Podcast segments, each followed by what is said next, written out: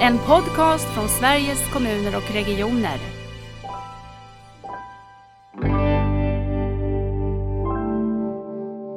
Ehm, så nu har man ju några månader eh, på nacken. Så nu, får man, nu tycker inte jag man ska kalla sig ny på jobbet längre. Utan nu har man faktiskt landat ganska mycket.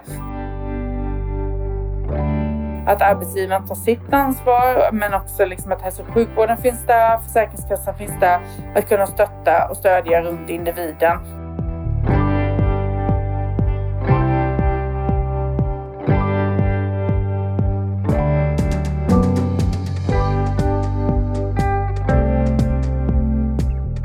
I det här avsnittet av Nära vårdpodden så får vi möta Sveriges äldre och socialförsäkringsminister Anna Tenje.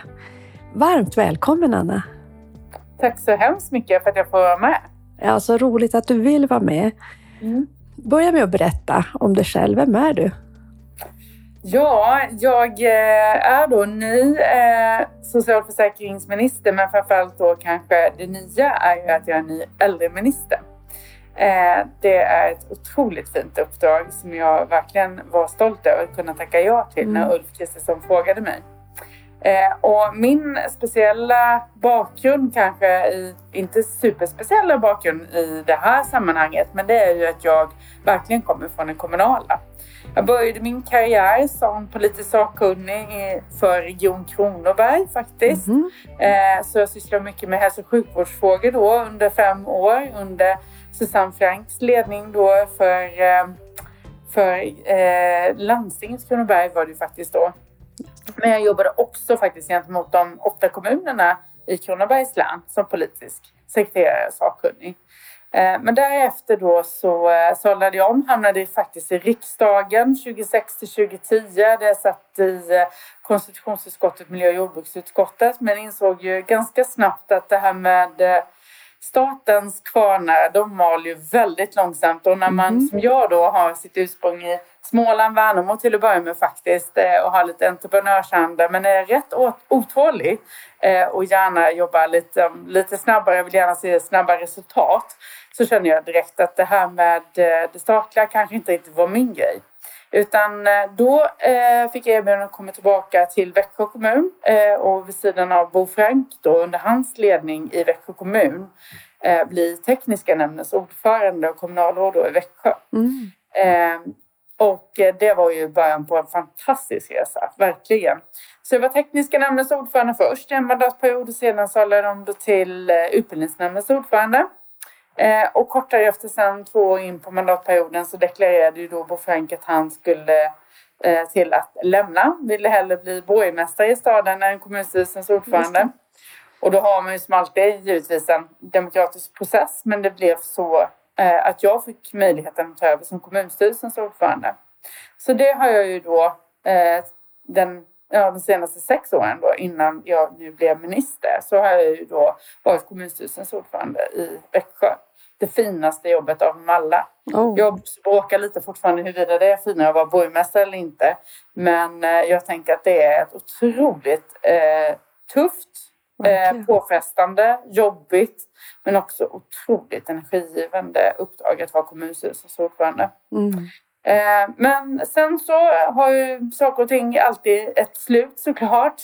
Eh, och jag känner väl att eh, när jag då fick frågan att bli eh, minister i Ulf Kristerssons regering så kunde jag ju inte tacka nej till detta. Och när jag då sedan fick reda på dessutom att det var Sveriges nya äldreminister då blev jag väldigt glad. För när Ulf deklarerade detta under valrörelsen att hans regering skulle inneha posten då som äldreminister då kände jag att det var helt rätt att det verkligen behövdes. Eh, man kommer från en tid då när man under pandemin har suttit i krisledning i mer eller mindre tre år, Just det. lite kortare kanske. Eh, sig otroligt mycket om äldreomsorgen men framförallt då så har jag ju den stora förmånen att eh, ha det kommunala pensionärsrådet under, att leda det då och ha det under kommunstyrelsen under sex år. Mhm. Eh, och det var ju liksom en enda lång seminarieserie egentligen om att lära sig mer om både ålderism och, och nutrition, fallolyckor men framförallt då också om eh, kommunal äldreomsorg. Eh, och det var jag oerhört tacksam eh, kring att jag hade haft den möjligheten. Dels då att leda styre under pandemin såklart, det lärde man sig oerhört mycket på. Men framförallt också liksom att kunna lära sig så mycket om äldreomsorgen som jag ändå hade möjlighet att göra då under den tiden var kommunstyrelsens ordförande. Mm. Så nu är jag minister i Sveriges regering och har då axlat eh, området då kring äldreomsorg, socialförsäkring och pensioner. Men, ja, det är ju inget litet område, men man känner ju verkligen att du, att du sprudlar och brinner för det här. Men eh, hinner du något annat? Nu har du ju varit minister. Hur många månader har du varit på posten nu?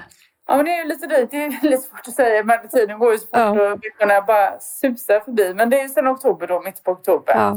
Ehm, så nu har man ju några månader eh, på nacken. Så nu, får man, nu tycker inte jag man ska kalla sig ny på jobbet längre. Utan nu har man faktiskt landat ganska mycket. Från att ha varit verkligen i en tågtumlare det, för det var det verkligen. Alltså herregud vilken liksom, turbulens det var. Inte då politiskt utan just bara för att man inte faktiskt visste hur saker och ting gick till. Eh, utan eh, jag har ju vana av riksdagsarbete till viss del, inte så mycket, inte så mycket det statliga definitivt ingenting från regeringskansliet egentligen.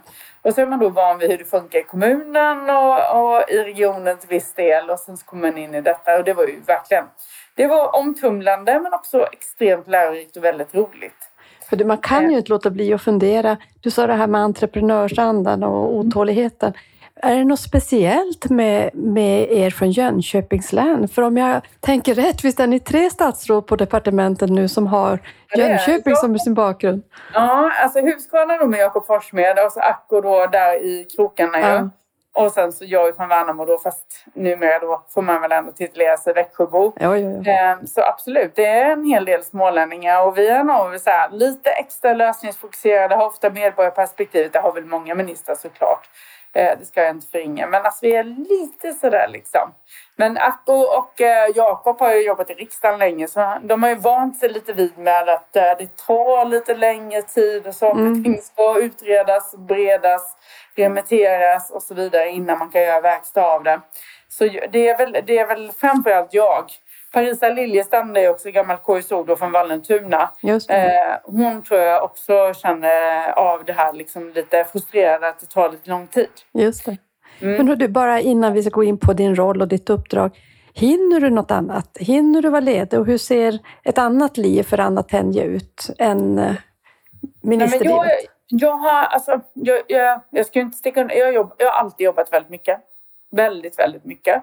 Eh, men sen är jag också ganska bra på att faktiskt släppa saker och ting när jag gör någonting annat. Så när jag, för nu i helgen var det ju faktiskt eh, en fantastisk glittrande vinter då. Vi mm. diskuterade detta precis innan podden började här mm. nu. Även i Växjö. Där hade vi snö och så vidare. Ungarna precis, eh, jag har ju Måns då som är 14 och Elsa som är 11. Och de har kommit på det här att det, det är inte Skidor kan man ju åka inte bara utför, det älskar vi mm. i familjen, men även då på längden. Så då var jag ute och körde tre pass i helgen med dem och, och, och körde längdskidor. Och då ska jag vara ärlig och säga att då, då är det familjen som gäller, det är barnen som gäller och så vidare. Och då funderar inte jag så hemskt mycket över Sveriges pensioner eller svensk äldreomsorg. Mm. Utan då kan jag släppa det och vara med i, i nuet och ändå njuta, verkligen. Mm. Eh, men sen så är det klart att jag har levt med den här liksom rollen som kommunstyrelsens ordförande så länge. Eh, och det är väldigt påfrestande och jag måste faktiskt vara ärlig och säga det att eh, den psykiska pressen eh, är mycket tuffare som mm. kommunstyrelsens ordförande mm. i Växjö då, eller i en större stad mm. än med det att vara minister i Sveriges mm. regering. Det är så, ändå så mycket också som man har ansvar för som blir också så op nära operativt, tänker jag. Det ska mm. också verkställas snabbt. Det blir ett annat, en annan ja, närhet. Man ställs ju, till, man ställs ju till ansvar, alltså ansvaret är faktiskt, alltså det, det, det kan vara större nu om mm. man ser det utifrån ett men, alltså verkligen regering och ministerperspektiv. Det är mm. ett extremt stort ansvar såklart. Men nu har man sina frågor i sitt fack. Jag har en väldigt stor portfölj, har ju väldigt mycket pengar om inte annat. Eh, men väldigt viktiga och stora frågor såklart. Men då är det de frågorna jag ska kunna och ansvara för och förbättra och liksom dra framåt. Men som kommunstyrelsens ordförande så förväntade man sig, alltså förväntades jag av en att man kunde faktiskt allt mm. om allting. Mm. Man fick fråga precis om allting mm, och ställdes också till ansvar och fick försvara saker och ting. Och sen så hade man ju faktiskt ganska många medarbetare med, eh, med och under sig så att säga, både inom det enskilda partiet men sen då skulle man hålla upp en koalition, i mitt fall då med fem partier eh, och hålla alla på gott humör och eh, liksom fixa och trixa för ihop politiken och det var ju väldigt ofta man, man fick kliva in liksom i andra områden och hjälpa till och, ja, och stötta och sådär mm. också. Förstår. och sen så är det ju lite, många ringer ju. Mm. Eh, väldigt många medborgare hör ju av sig och jag har alltid varit ganska transparent och öppen och också har svarat. Och så är det ju faktiskt inte nu. Eh, en del mejlar såklart och hör av sig i sociala medier och så vidare men nu är ju mycket tydligare stoppbollar. Mm. Både gentemot journalister men även då gentemot medborgare. På gott och ont. Mm. Eh, men eh, när jag handlar på ICA eller Konsum hemma i Växjö då är det fortfarande samma sak. Då stannar man och då pratar man och då får man höra både det ena och det andra. Ja. Men det är fantastiskt roligt. Berätta åt oss om nu ditt uppdrag. Du har en stor och bred portfölj och jag tänker eftersom det här är Nära vårdpodden så koncentrerar oss lite extra på det som är eh, din roll som äldreminister. Mm, Men berätta ändå, vad har du? Vad, vad är ditt uppdrag? Nej men eh, för vid sidan av då äldreomsorgen så kan vi bara berätta det eller beröra det lite kort. Då handlar det om väldigt mycket om pensionerna och pensionsgruppen och det arbetet för att vi ska nu fortsätta stärka eh, svenska pensioner såklart. Det är ett enormt viktigt mm, arbete mm, och eh, få tillbaka liksom eh, ja, det, det, det värdefulla samarbetet vi har haft kring pensionerna i Sverige. Att vi inte använder pensionerna som ett slagträ i, i valdebatten för att kortsiktigt vinna väljare. Utan att vi på riktigt behandlar vårt pensionssystem med stor respekt och hela tiden tryggar och bygger detta starkare. Så det är ju en viktig del. Den andra delen är ju socialförsäkringen då med mm sjukpenning och sjukskrivningen å ena sidan men också aktivitetsersättning, föräldrapenning, föräldrasäkring och underhållsstöd och massor med av de frågorna. Eh, superviktiga och väldigt verkligen. betydelsefulla frågor eh, för väldigt många människor.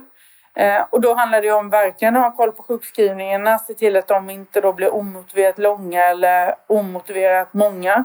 Eh, se till att så många som möjligt eh, får liksom hjälp och stöd för att komma tillbaka till arbete att arbetsgivaren tar sitt ansvar men också liksom att hälso och sjukvården finns där, Försäkringskassan finns där.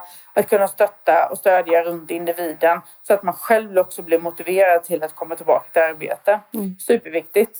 Att se till att vi har en flexibel och modern föräldraförsäkring.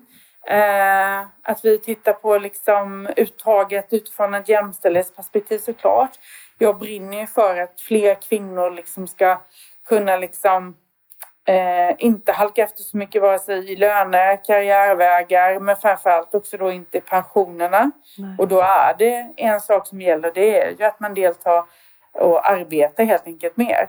Och då måste man också dela lika eh, på när det gäller föräldraförsäkring i högre utsträckning men också när det gäller vabben och andra delar då mm. så att man inte hela tiden kommer efter. Sen kan det vara valfritt i många delar och så vidare men eh, i, i, jag tror inte det är så i alla fall. Men sen så kommer vi då till det viktiga, viktiga äldreomsorgsområdet och det har ju varit definitivt i ljuset nu då under pandemin mm, inte minst. Men samtidigt så är det ju ändå så att alla de brister som uppdagades i både Coronakommissionens rapport men också IVAs granskning och så vidare det är ju egentligen inga nyheter med oss som har jobbat liksom inom, eh, inom kommunal sektor och inte heller inom SKR under längre tid. Många av sakerna har ju vi varit på och försökt förbättra under många mm. år och så vidare. Men det blev ju väldigt tydligt i alla fall att eh, vilka konsekvenser exempelvis då språkförbistringar kan få eh, när man hamnar i en sån situation som pandemi. Absolut. Eh, eller för den delen när man ser kanske medicinska kompetensen inom eh, äldreomsorgen, inom den kommunala verksamheten eller eh, eh privata alternativ också för den delen. Eh, vad som händer när man inte har den medicinska kompetensen till de äldre, att man då kanske inte, då fick man palliativ vård istället för syrgas och så vidare. Så det här blev väldigt tydligt och jag tror att vi var väldigt många som tänkte att nu måste det ske en förändring. Mm. Och så tillsätter man olika utredningar så har det ju egentligen kanske i praktiken inte hänt så hemskt mycket. Eh, och det är väl där vi nu står och när vi tittar på, liksom, inte minst utifrån äldreomsorgslagstiftningen, alltså äldreomsorgs lagstiftningsutredningen. Just det. Vilka godbitar kan vi antingen plocka där eller ska vi ha en fullfjädrad ny äldre lag eller ska vi helt enkelt stärka upp socialtjänstlagen istället och täppa till, eh, täppa till luckorna. Eh, vi vill ju inte heller hamna i en situation där vi har dubbellagstiftning eh, där man på grund av att man hamnar i en ålder, går från 64 till 65, helt plötsligt liksom ingår en helt ny lagstiftning bara för att man råkade bli ett år äldre. Eh, det tänker jag att det kan vara kontraproduktivt utifrån många olika perspektiv och inte minst då eh, utifrån åldersdiskrimineringsperspektiv också. Mm. Förstärker man ju nästan den där synen på äldre att man blir verkligen att man är ingen att räkna med när man är 65 liksom. Så det vill vi verkligen inte förstärka. Men däremot så finns det ju många delar med fast omsorgskontakt, inte bara kanske inom hemtjänsten utan även inom särskilt boende och så vidare som jag tänker att man behöver jobba vidare på för att de äldre absolut inte ska hamna mellan de berömda stolarna. Mm. Men så det pågår egentligen en beredning av, av de förslagen som kom i nästa steg-utredningen? Ja, precis. Ja. Och vä- så ska vi välja och vrida på det hela, hur vi ska gå vidare då. Och det kommer ju utkristallisera sig nu under våren. Just det, Sen spännande. fick vi fram då, vi har ju då i Tidöavtalet sagt att vi ska titta vidare på det här med språkkrav. Mm. Eh, Det var ju en av de tydligaste, eller tydligaste punkterna som Coronakommissionen pekade på.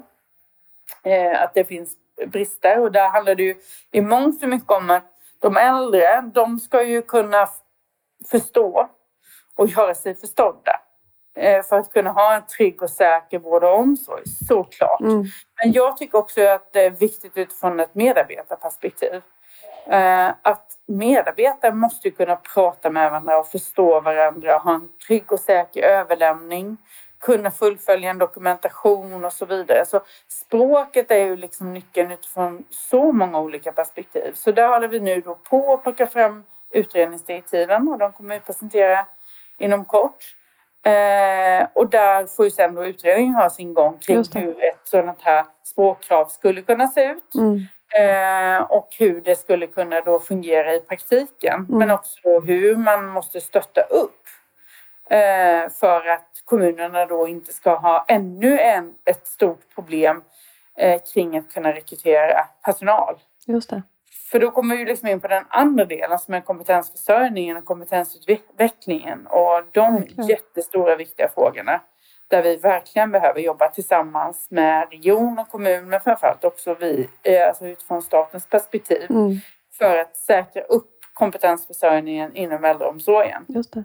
Jag tänker på en annan sak som fanns i Tidöavtalet och det var ju läkar, läkare i den kommunala verksamheten. Kommer ni Mm. gå vidare med utredningsdirektiv där också eller hur ser vart ligger frågan? Ja, alltså frågan kring kommunala läkare, det har ju utretts på många olika sätt och vis. Den är ju också med i äldreomsorgslagstiftningsutredningen. Men jag tror ju också att det är viktigt att, alltså nu stirrar man ofta eh, stirrar sig blint på det här med kommunala läkare. Att då det skulle en föreställning om att kommunen ska anställa läkare Mm. och också då stå för kostnaden. Mm. För någonting då som egentligen är regionernas eh, uppgift Mm. och en, en, liksom, ett ansvarsområde som regionerna ska stå för. Så jag tänker att jag tycker att man ska bredda det här perspektivet något. eh, Titta på den medicinska kompetensen. Just. Eh, men jag kan konstatera också, jag har varit ute på, jag var på många studiebesök innan jag blev minister inom äldreomsorg och hemtjänst och så vidare. Men jag har ju varit på väldigt många studiebesök sedan jag blev minister också. Eh, och då kan jag konstatera att det ser väldigt olika ut när det gäller avtalen med regioner, vårdcentraler från då särskilda boenden. Ja. Eh, när man då har den avt- avtalet stipulerar liksom att man har, man har kontakt med en läkare som ska vara där x antal timmar och hur läkemedelsgenomgång och så vidare ska gå till. Men det ser ju väldigt olika ut. Vi, jag var på ett särskilt boende eh, där man hade 23 boende på, på, på, på särskilda boendet. Då hade man ett avtal med en vårdcentral där man då hade kontakt med en läkare en, en, eh, en pensionerad arbetande, en jobbonär så det kallas. En jobbonär, ja. liksom. En Mm. jobbonär. Eh, De är värdefulla. Gud vad värdefulla jobbonärerna är. Eh, Men då hade man i alla fall en, en lite äldre läkare då som hade kanske lite mer tid. Ehm, Och var ju då, spenderade mycket tid på det här boendet med 23 boende. hade Just god det. kontakt, mycket läkemedelsgenomgång, mycket Mm. anhörigkontakt och sådana här delar. Ja, men det fungerade alldeles utmärkt. Man hade dessutom ett teambaserat arbetssätt på det här boendet. Vilket gjorde att de andra delarna lirade väldigt väl. Mm. Sen har man ett annat boende då eh, i samma kommun. Som man då avtal med en annan vårdcentral. Där man har väldigt många hyrläkare istället. Där kontinuiteten helt och hållet saknades för de äldre kan man ju säga. Inte helt och hållet, nu är jag väl kanske lite väl skarp. Men alltså den kontinuiteten saknades. Eh, den här kontakten med läkaren eh, var alltså på, jag tror det var 82 boende på det här boendet. Det var inte fler timmar än på det här boendet med 23 timmar utan det var snarare så att läkaren på det mindre boendet var faktiskt där mer. Eh, och man kunde väl också följa upp egentligen liksom i brukarenkät och så vidare att de anhöriga egentligen inte hade haft hemskt mycket kontakt. Man undrade vad då finns det en läkare som är knuten till det här boendet? Det har vi inte märkt och sådär. Mm. Och det är klart att när det ser så olika ut i en och samma kommun då förstår man ju att det ser väldigt olika ut i 290 kommuner Just det. som har då avtal med 21 lan- eh, regioner. Mm. Eh, och då tänker jag att så här, om vi då ska prata om en likvärdig äldreomsorg och en jämlik vård, då tänker jag att då kan det inte riktigt se ut så här. Och eh, när man diskuterar färdig, medicinskt färdig Behandlade. behandlade Mm. Då är det ju ganska snabba och hårt tryck liksom för regionen och hämtar inte kommunerna hem sina eh, äldre då som är medicinskt färdigbehandlade eh, då så kostar det ju pengar. Mm.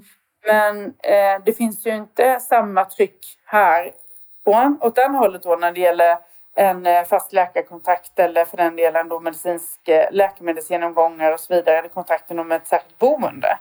Då har ju kommunerna möjlighet att gå ut på stan och handla upp detta Mm. istället och skicka fakturan till regionerna. Men det har ju faktiskt aldrig hänt, Nej, Vad- vad vi vet. Eh, och jag vet inte om jag överdriver problematiken, men när jag är på olika studiebesök som då vittnar om att man faktiskt inte har så god kontakt och, med, och att den medicinska kompetensen är bristfällig. När man ser eh, rapport efter rapport vittna om just de här delarna, då tror jag att det är viktigt att vi gör någonting åt det. Mm. Men då är det inte viktigt för mig att det blir kommunala läkare som anställer i kommunal regi. Det kan kanske vara det. Mm. Eh, några kanske vill ha det så. Mm. Och då får man ju titta vidare på hur detta skulle kunna gå till i praktiken. Men det viktiga är ju liksom att stärka upp den medicinska kompetensen. Dels med läkare, men sen har vi många andra delar. Vi har arbetsterapeuter, vi har fysioterapeuter, vi har viktiga sjuksköterskor, vi har superviktiga undersköterskor liksom, som också står för den här delen av den medicinska Mm. kompetensen. För det tillsammans. är så att i din portfölj så har du också den kommunala hälso och sjukvården. Visst är det så? Ja, alltså jag tror att det blir svårt att skilja dem åt. Utan jag och Acko, eh, Acko ju liksom sjukvården. Ja. Eh, och sen så då när det gäller hemsjukvård och så vidare så blir det ju liksom en... Ja, men alltså detta är så nära eh, förknippat och samarbete kring det. Och tittar man då till exempel på det i de kommuner som har ett mer teambaserat arbetssätt. Då är ju sjuksköterskorna med i detta arbete och de jobbar ju också för kommunen och är anställda av kommunen också. Mm. Eh, Så jag tänker att eh, det, det blir svårt att liksom hugga, eh, hugga tydligt mittemellan här. Vi. Och hälso och sjukvårdslagstiftningen och socialtjänstlagstiftningen måste ju på ett bättre sätt Gå liksom ihop, ja precis. gå ihop och kugga i varandra. Så Mm. det där har jag och Acko pratat mycket om. Och, eh, jag har ingen prestige i det här utan, och det tror jag inte Acko heller har. Utan för oss är det viktigt att det fungerar och att det blir en sömlös vård eh, och omsorg för våra äldre. Eh, och sen fixar vi detta tillsammans. Och gränsdragningsproblematiken eh, tror jag inte kommer vara ett problem för den här regeringen i de här frågorna. Nej. Det, låter ju, det låter ju jättebra att vi på något sätt, jag hör hur, hur ni har ambitionen att jobba utan att skapa gränser och stuprör.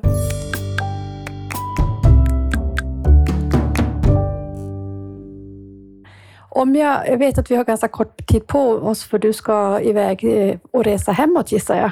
Ja, Eh, jag ska, precis. För ja. jag är ju jag är en lantisminister. En landsbygdsminister, precis. Mm. Eh, jag- Men jag vill ju ändå gärna fråga kopplingen till eh, den nära vården. Hur ser du på det? Hur ser du på omställningen till nära vård?